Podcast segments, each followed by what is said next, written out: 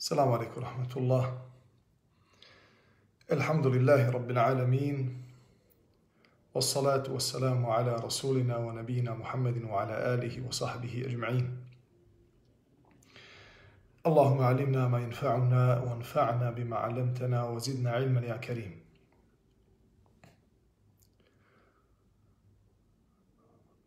Na samom početku zahvaljujemo se Allahu Đalešanuhu, selam, šaljemo našem poslaniku, vjerovjesniku Muhammedu sallallahu alaihi wasallame, njegovoj porodici, časnim sahabima i svim vjernicima i vjernicama koji slijede u dobro sudnjega dana. Nastavljamo, inša ta'ala, sa čitanjem i kratkim komentarima hadisa Allahovog poslanika, alaihi salatu wasalam, i pojedinih izreka ashaba, radijallahu anhum ajma'in, iz knjige Edabul Mufrad, imama Buhari, rahimahullahu ta'ala. Prije nego što krenemo sa samim hadisima, u par rečenica dao bi jedan osvrt na samom početku ovim dodacima, hajde da kažemo, dodacima na, na imena poslanika, alaih salatu wasalam, njegove porodice, ashabima i islamskim učenjacima koji su preselili i onima koji su živi. Za našeg poslanika, alaih salatu wasalam, kada se spomeni njegovo ime, kao što je došlo u vjerodostojnim hadisima, kaže se sallallahu alaihi wasallam ili alaihi salam, alaihi salatu wasalam. Za ashabe se kaže radijallahu anhum kao što je došlo u suri Teube, da je Allah Đalešanuhu zadovoljan sa njima. Radijallahu anhum wa radu anh. A za ostale vjernike i vjernice, za islamske učenjake, kaže se rahimehumullahu ta'ala ili rahmetullahi alaihi. To je jedan vid, to je jedan od vidova, znači čovjekovog edeba prema poslaniku, prema njegovoj porodici, prema sahabima, prema drugim muslimanima, prema onima koji te uče pa su živi, kažeš Allah ih čuvao, Allah ih sačuvao, dao im dug život. To su vidovi poštivanja, vidovi adaba, vidovi respekta tih ljudi i o, to je ono sa čime nas uči islam. Znači da uvijek imamo poštivanja prema onima koji nam, koji nam koriste, a pogotovo onima koji nam koriste u, u vjerskom aspektu. Jer oni koji nas su nam odkoriste u vjerskom, vjerskom aspektu, oni nam uz Allahovu Đelešanohu pomoć otvaraju oči na dunjaluku, da nam ukazuju nam na pravi put, odvraćaju nas od loših dijela, e, pokazuju nam svojim, svojim znanjem, svojim iskustvom koji je pravi put od onoga koji je krivi put, tumače nam vjeru. Sam poslanik alaihi salatu wasalam, njemu se nikada ne možemo odužiti zbog onoga što je uradio za umet Islama. Njegova porodca koja je bila uz njega tu, ashabi koji su branili njegovu ličnost, branili islam koji su nam prenijeli, znači prva generacija koja je prenijela islam nama muslimanima, nakon toga svi dobri ljudi, pogotovo islamski učenjaci, koji su e, svoje živote uložili kako bi prenijeli Kur'an i Kerim, kako bi prenijeli hadisa Allahu poslanika, kako bi prenijeli izreke e, učenjaka, kako bi sami oni dali doprinos u tumačenju vjere, najmanje što možemo da uradimo kad ih spomenemo, jeste da zamolimo Allaha Đalešanuhu njima za rahmet, za one koji su preselili, a oni koji su živi da kažemo hafidahumullahu ta'ala ili na, na našem jeziku Allah ih čuvao, dao im dug život i tako dalje. To je najmanje što možemo učiniti za njih. Dobro. E, Imam Buharija je naredni, znači naredni naslov rekao ili napisao kazati Allah i taj čovjek kazati Allah i taj čovjek, to jeste da li je to ispravno ili nije. Pa uh, Al-Mughith prenosi da ga Ibn Omer pitao komu je maula, komu je, hajde kažemo, zaštitnik, ko se, ko se brine o njemu, pa je ovaj odgovorio Allah i taj čovjek. Allah wa fulan, Allah i taj čovjek.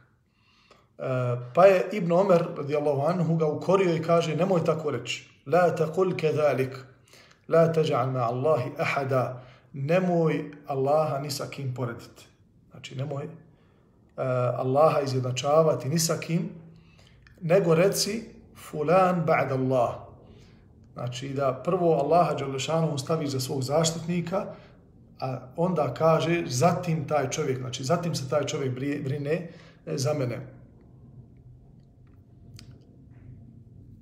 Ili da možda čovjek, znači onaj koga je puno pomogao u životu, znači cijeli život stao uz njega, da kaže da nije bilo Allaha i tog čovjeka, ja bi propao u životu. Znači čovjek koji te, hajde da kažemo, od rani, od malih nogu, da li to bili roditelji, da li to bio neki od skrbnika, neko te usvojio, ili neka druga osoba, ili to bilo, bila nena i djed, znači bilo ko da bude, i na primjer od malih nogu se brine za te. Odgojite, hranite, školujete, dadnete posao, zaposlite, ne znam, nije, oženite, udate, cijeli život se, i ti na kraju kažeš da nije bilo Allaha i te osobe ili tih osoba, ne znam, ja bi propao ili ne bio niko i ništa i najmanje što mogu da, da kažem jeste da su on na prvom mjestu, to je pogrešno. To je pogrešno. E, ka ispravno je reći e, da nije bilo Allaha, a zatim, a zatim tih ljudi. Zašto zatim? Zato što je Allah prvi. Zato što je Allah taj koji ti je dao tu na faku. Znači, Allah se pobrinuo za tebe preko tih ljudi. On će imati, bez imalo sumnje, nagradu ako su pogotovo bili muslimani, imali ispravan nijet u tom tvom u odgoju tebe i, i pomaganju i tako dalje, i bili su s tebe cijeli život, imat će inšala ta'ala nagradu na oba svijeta.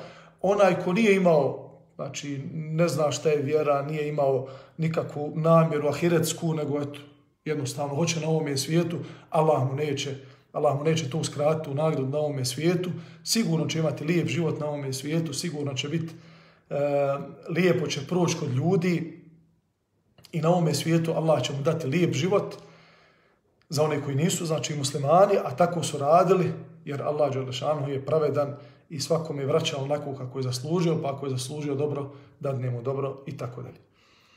Znači, ispravno reći e, da nije bilo Allah, a zatim, zatim tih ljudi, jer e, Allah Đelešanu je kadar, on je znači, u mogućnosti da ako je već zapisano da ćeš ti uh, imati određenu na faku i da će te neko pomoći od malih nogu i da će stati uz tebe, da, je ni, da nisu bile te osobe koje su stale, stale Allah Đelešanu bi dao nekom drugom tu ulogu ko bi stao uz tebe, znači i, i ovako i onako bilo bi ti zapisano to i e, to bi e, išlo onako kako je Allah htio, a ne kako su ljudi htjeli.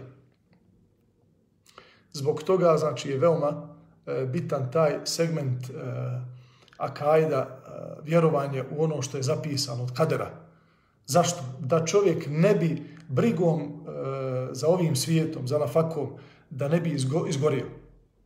Veoma je bitno, znači, poznavati da sve ono što zbiva, što se događa, da li bila nafaka, da li, da li bilo tvoj život, da li će biti duži ili kraći i tako dalje, i kaš preseliti, sve je to zapisano. Na nama je da se trudimo, kao što koncenzus, znači koncenzus muslimana je na tome da uh, niko nikad u istoriji islama znači, nije rekao da uh, i da je to normalno, validno, nije niko rekao da treba znači, sjest i da se ne treba brinti, da se ne treba onaj, ajde da kažemo, pokrenuti i da treba sjest onaj u hlad drveta i da će to sve doći. Znači, treba se pokrenuti, treba raditi, treba se truditi, međutim, sve je zapisano. Allah Đalešanohu e, će svakom olakšati ono za što je, za što je stvoren. E, naredna, naredni naslov i izreke i hadisi dolaze u poglavlju pjevanja i zabave. Od Abdullah ibn Dinara priča otiđo sa Abdullahom ibn Omerom do pijace i tamo prođo smo pored male djevojčice koja je pjevala. Pa Ibn Omer reče, kada bi šeitan ikoga ostavio, ostavio bi nju. Kada bi šeitan ikoga ostavio, ostavio bi nju. Od, Ibn, od Enesa Ibn Malika se prenosi da je e, poslanik sallallahu alaihi wasallame rekao ja nisam od onih koji se zabavljaju i igraju, niti to meni dolikuje. Od Sa'ida ibn Džubeira, od Ibn Abbasa, kada je e, proučio kuranski ajet Ibn Abbas radijallahu anhu وَمِنَ النَّاسِ مَنْ يَشْتَرِي لَهْوَ الْحَدِيثِ e, a ima ih koji kupuju raznorazne priče za razonodu, govor, kaže, odnosi se na pjevanje i sličnim stvarima. El gina wa ešbahuhu. El gina, znači na, na, e, na pjevanje i sličnim, slične stvari pjevanju. Od Bara ibn Aziba prenosi se da Allahu poslanik sallallahu alaihi wasallam rekao širite selam i bit ćete spašeni. Razuzdanost je ružna. Ebu Moavija uh, radijallahu anhu kaže da je ešaratu šar razuzdanost je ružna a Moavija kaže wal ešara wal ešarru el abeth znači uh, da jednostavno da čovjek pristupi svakom poslu onako, e, hajde da kažemo, bez, bez ozbiljnosti, e, šta god da radi onako neozbiljno, ne, netemeljito, e, razuzdan je, ne možeš se na njega pouzdati, to je najlošija osobina koja može, koja može biti pri, pri jednom čovjeku. Zašto je najlošija osobina? Zato što e, takvi ljudi ne možeš se na njih osloniti u bilo čemu niti oni su, uh, niti su oni znači kvalifikovani da mogu išta da urade ozbiljno. A čovjek koji ništa ne može da uradi ozbiljno do kraja i ne može da ustraje u nečemu, uh, kako bi znači, rezultiralo to nekom, nekom pozitivnom rezultatu. Da li bilo na, na individualnom nivou, za samoga sebe, ili za svoju porodicu, ili društveno, Znači, taj čovjek od tog čovjeka nema nikakve koristi. A onaj ko ne koristi drugima nikako, znači nema ljudi nikakve koristi od njega, eh, on je najlošiji u društvu. Zašto? Zato što je, eh, kao što je došlo u hadisu, eh, hajru nasi enfe'uhum lin nas. Najbolji su oni ljudi koji najbolje koriste ljudima. Koji najviše koriste drugim ljudima. Oni su najbolji. Ako su oni najbolji, najlošiji su oni koji, koji ne koriste nikako. Ili naprotiv, ne samo da ne koristi, nego iz njegovih dijela i njegovog ponašanja proizilazi zlo. I ljudi su, od njega mogu samo da vide zlo. To su naj, naj hajde da kažemo, uh, najgora kategorija ljudi u jednom društvu.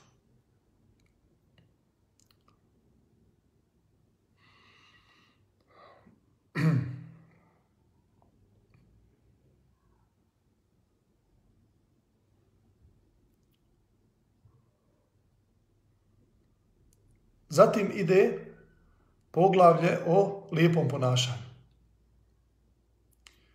Ibn Mesud je rekao, živite u vremenu u kojem živi dosta znalaca, a malo propovjednika, malo prosjaka, a puno tu, dobrotvora. U vremenu u kojem dijelo upravlja strastima,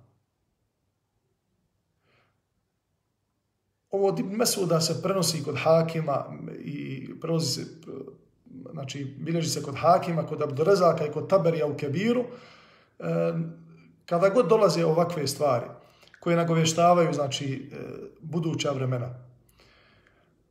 A prenose i ashabi, radijallahu anhu, poput Ibn Mesuda, radijallahu anhu, znači, to nije moglo nikako doći osim da su to čuli od Allahov poslanika, ali salatu wasalam. Znači, te takve vijesti nisu mogle doći, osim da je to čuo od Allahov poslanika, ali salatu. Ali kaže, pogledajte, živite u vremenu u kojem će e, u kojem živi dosta znalaca, znači dosta ljudi koji imaju znanje, koji znaju halal od harama, koji znaju koje su to sumljive stvari koji se treba, treba kloniti, e, koji znaju šta je ispravno od onoga što nije. Zati, a kaže, malo je onih koji pričaju priče. Ljudi koji se obraćaju drugim ljudima, a pričaju im priče bez znanja, nisu kvalifikovani. Nisu e, učili temeljito znanje. Ali pored toga obraćaju se ljudima, pričaju im, vaze im, e, navode im razne priče, e, govore im šta treba, šta ne treba, a ne imaju pravo znanje, temeljito znanje onome čemu govore. Njih je, kaže Ibn Mesud, njih je danas malo. Imate malo prosijaka, a puno dobrotvora. I živite u vremenu u kojem dijelo upravlja strastima. Vratit ćemo se, inša Allah, ovo je pravo lijepa predaja. Vratit ćemo se kad završimo cijelu predaju pa da vidimo, da napravimo jednu komparaciju, znači ovdje, vidite kako, te, kako Ibn Mesud, pogledajte, onaj, primijetit ćete kako Ibn Mesud radi onaj, komparaciju nekih stvari u jednom vremenu. Ovoga ima malo, zato što ovoga ima puno. Doće vrijeme kad će nečega biti puno, pa će rezultat toga što je toga puno, znači nečega biti manje, ili rezultat nečega što ga, što ga ima u jednom vremenu malo, rezultirat će nečemu drugom što ga, što ga ima puno. Znači, to ćemo inša Allah nakon ovoga, nakon što pročitamo cijelu predaju, prokomentarisati. Ali posle vas će doći vrijeme kada će biti malo učenih ljudi, a puno propovjednika, dosta prosjaka, a malo onih koji daju i kada će strast predvoditi djelo. Znajte da će pred kraj svijeta, pred kiametski dan, lijepo ponašanje biti bolje od pojedinih dijela. Znači, lijepo ponašanje da je čovjek e, nasmijan, da je blag prema ljudima, da kada prođe pored njih da ih pozdravi, E, da ima opću kulturu, bonton kod sebe. To će, doći će vrijeme kada će to biti vrednije, kada će to više vrednovati, nego da čovjek radi određena dobra djela, onaj bio viđen ili bio viđen. Znači sam njegov lijep bonton će biti cijenjen. E, sada se vratimo na početak ove predaje. Pa kaže, vi živite u vremenu u kojima ima dosta uleme znalaca, a malo propovjednika. Gdje god jedno mjesto zrači sa puno učenjaka, sa puno znanstvenika, sa puno uleme, u tom mjestu ne mogu se pojaviti ljudi koji pričaju prazne priče. O, ne ide jedno s drugim. Zašto? Jer onaj ko pra, priča prazne priče, bez dokaza, bez argumenata, ne vreća se na izvore, te izvore ne poznaje nikako, kako će se vratiti na njih ako ne poznaje ne mogu se ti ljudi u tom mjestu pojaviti gdje ima puno znanja i puno učenjaka, zato što će ih ovi demantovati u jednoj rečenici. To je jedno. Drugo, sami ljudi koji žive u tom mjestu i slušaju znanstvenike, e, znaju šta je znanje, školovali su se, imaju, uh, uh, imaju osnovno obrazovanje, sjede pred znanstvenicima, pred učenjacima, slušaju njihov govor, slušaju njihove hutbe, slušaju njihova predavanja, e, slušaju njihove govore, njihove savjete. Oni te propovjednike, te ljude koji im pričaju prazne priče ili pokušavaju da pričaju, oni će ih znači, prozreti za nekoliko minuta i okrenut će se od njih i otići. Jer e, onaj ko poziva u zavodu, šta mu je najpotrebnije? Najpotrebnija mu je publika. Ako on poziva u zabludu, a ljudi su osviješćeni, znaju šta je istina, a šta je neistina, osviješćeni su, ne možeš im zamutiti vodu. Nećete slušati. Neće slušati takve ljude. I automatski takvi ljudi neće proći u jednom društvu. I normalno njihova zabluda, njihove priče, njihove pripovjetke neće proći kod jednog, kod jednog naroda. Evo, ne mogu da, da se ne, osv... ne mogu da, da, mi, da ovo mi pričam, a mi da, da mi ne naum padne ono što se desilo u našem prelijepom Sarajevu prije ne znam koliko godina tačno, kada je došao onaj Marokanac, onaj Turabi. Naš narod, da je tada kada je on došao i kada su u mediji dali prostora i kada su mu neki propovjednici i neki ljudi koji su trebali prvi da stanu i da kažu ljudi, ovaj čovjek je obični prevarant. Stali su uz njega i napravili su mu reklamu. Imao je prođe. Ha? I hajde da kažemo, hiljade ljudi mu je došao na noge i prevario ih je. Ne samo da ih je prevario, nego je onaj, u kalj, uprskao je, znači, oneđasetio njihovu inteligenciju. Ne znam kako drugačije se izrazi. Međutim, da su prije toga mediji, e, sredstva za informisanje, e, da su sami, sami naš, naši bošnjaci, da su osviješćeni, da dolaze u džamiju, da slušaju predavanja, da otvaraju knjigu i da imaju osnovna znanja o vjerovanju, osnovna znanja o principima islama i u našem prelijepom učenju, našoj tradiciji, da su imali prije toga nego što on došao, kada bi čuli za njega, samo bi se nasmijali. I rekli bi, ljudi, nema od ovoga ništa. Čista laž. Čisti e, obrt novaca gdje se voda prodavala, ne znam, nija ulaznice, po nekakvim cijenama, zarađivalo se stotine hiljada maraka na osnovu našeg neukog naroda. Naroda koji nije otvorio knjigu, nije slušao učenjake, nije slušao znanstvenike, ne dolaze u džamiju, nisu znači osviješćeni ni vjerski, ni znanstveno i prevareni su. I on će proći u svakom narodu i svakom mjestu gdje imamo neosviješćene ljude ljude koji nemaju znanja. On će doći da pukne svoju, svoju priču, povjerovat će mu ljudi, pogotovo ako neko ima nekakvu potrebu i ne znam, ja bolestan i ovo ono, kaže ja liječim, ja ne znam, ja imam nekakve talase iz, iz onaj, sa Venere ili sa kosmosa, ja ću vama tu putu, tu vodu, vi to popijete i izliječeni ste. La havla wa la kuvata illa billah. Hasbun Allahu wa ni'mal wakil. Ne bi, ne bi taj čovjek mogao, znači, doći i prosuti im tu priču i prodati im tu maglu da su ti ljudi bili osvješćeni. Dalje, kaže, živite u vremenu gdje ima malo prosjaka, puno dobrotvora. To jeste, mnoštvo dobrotvora je rezultiralo da nema puno prosjaka. U narodu koji je osviješćen sa te strane, da ako pomogneš onome kome je pomoć potrebna, nećeš nikad ostati znači, na cjedilju.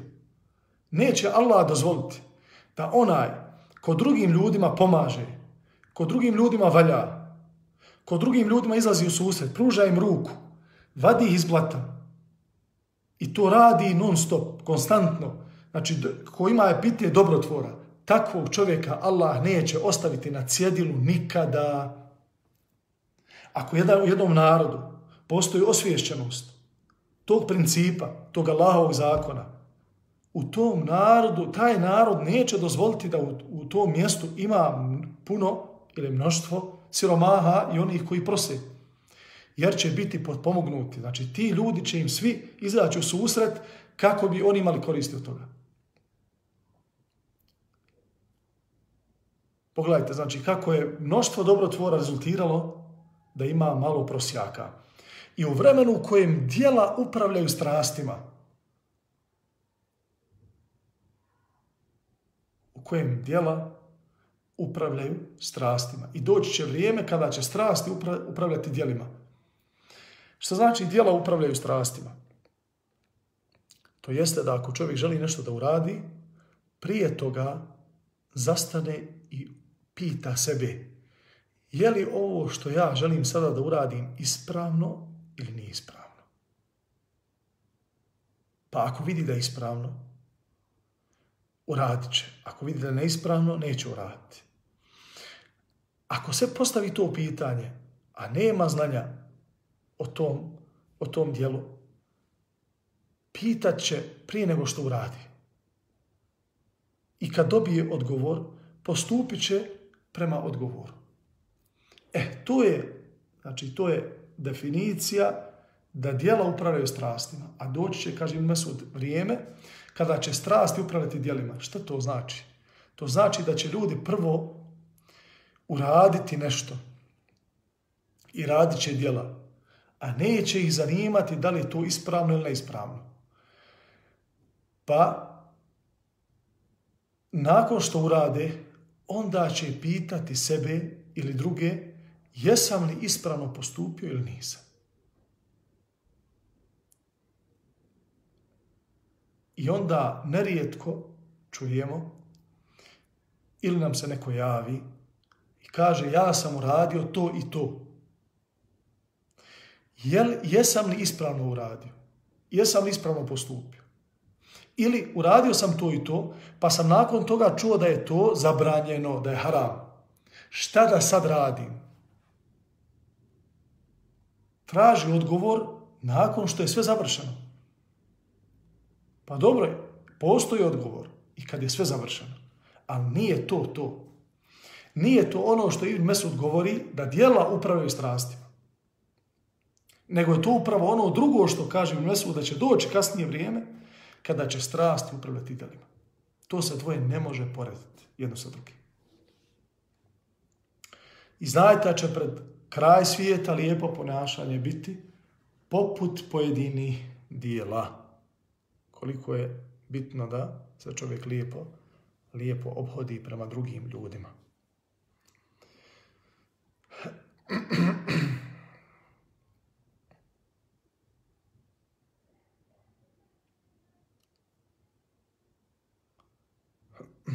طيب od Halida ibn Abdullaha, a on prenosi od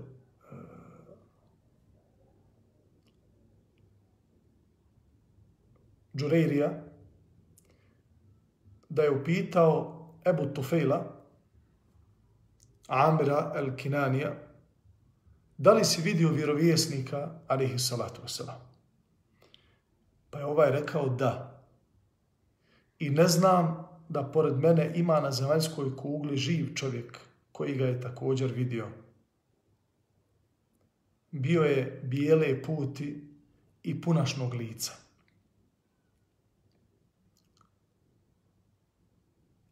Pitaju ga, jer je on jedan od ljudi koji je uh, nadživio sve ostale koji su vidjeli Allahov poslanika, ali salatu wasalam, pa je tvrdio da je on posljednji čovjek koji trenutno živi, a da je vidio Allahov poslanika svojim očima.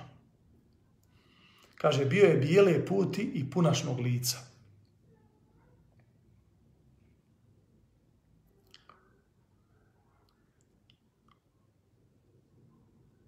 Jezid ibn Harun prenosi od Džurejra, ja jebu Tufejl, Amir al-Kinani, činili smo tavaf oko Kjabe. Pa Ebu Tufejl reče, pored mene niko više nije živ koji je vidio vjerovjesnika, alaihi salatu wasalam. Pa, su ga, pa ga upita, kaže, vidio si ga? Kaže, da. Pa kako je izgledao? Kaže, bio je bijele puti i umjerene građe, alaihi salatu wasalam. E, vjerovjesnik, sallallahu alaihi wasalame, sa vjernicima ukazuje u njihovim snovima.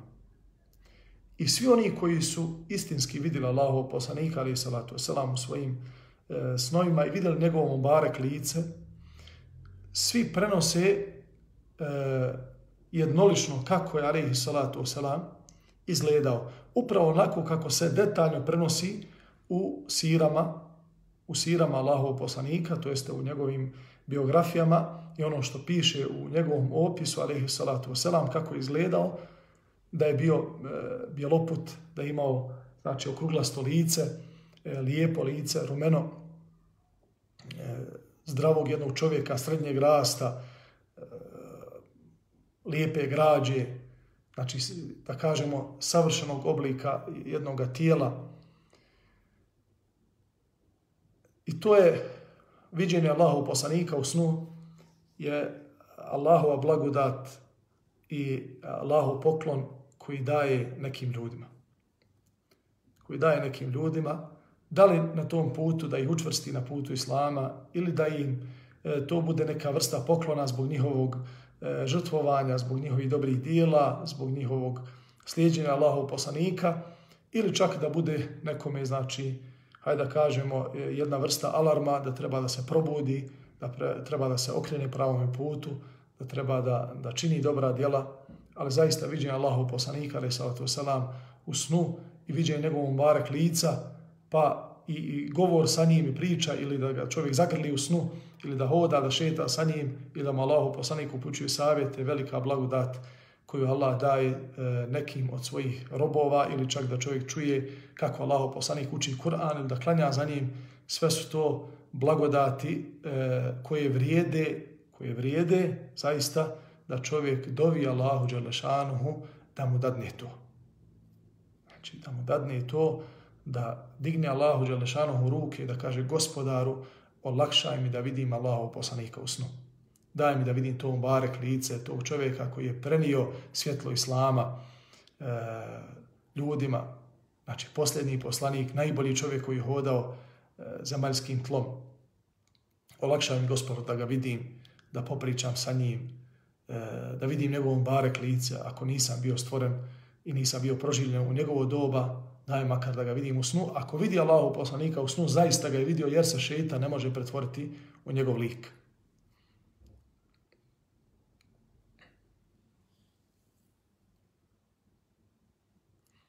I e, predavanje sa naredna dva hadisa koji govore o lijepom ponašanju. Od Ibn Abasa prenosi da je vjerovjesnik sallallahu alaihi wasallam rekao čudoređe, lijepo ponašanje i umjerenost jedan su od 25 dijelova vjerovjesništva. Jedan su od 25 dijelova vjerovjesništva. Kao što je e, poimanje, poimanje učenja Kur'ana i pamćenje Kur'ana, kada čovjek pamti Kur'an, pamti kur'anske ajete, da je to jedna vrsta vjerovjesništva. S tim da se tim ljudima koji e, na pamet znaju Kur'an, znači da im se Kur'an iznova ne, ne objavljuje im se ništa, nisu vjerovjesnici u pravom smislu te riječi, međutim to je jedan dio vjerovjesništva. Jer je u istinu Kur'an preko Džibrila sa nebesa od Allaha Đelešanuhu objavljen, spušten, znači na, na zemlju objavljen našim poslaniku, ali sa i svako onaj ko pamti ajete, uči ih na pamet, to je jedna vrsta vjerovjesništva. Tako je lijepo ponašanje i umjerenost su jedan od 25 dijelova vjerovjesništva, to jeste toliko je e, nešto lijepo, toliko je nešto prirodno, iskonsko, znači prava istina koja se nikada, čija se vrijednost nikada neće promijeniti u sudnjega dana, to je to lijepo ponašanje koje e, krasi svakog vjernica i vjernika i vjernicu. I također od Ibn Abbas se prenosi da je Muhammed sallallahu alaihi wasallam rekao da je da su lijepo ponašanje i umjerenost jedno od 70 dijelova vjerovjesništva. Znači imamo e, imamo znači ovdje dva, dva rivajeta kada, kada se govori o lijepom ponašanju i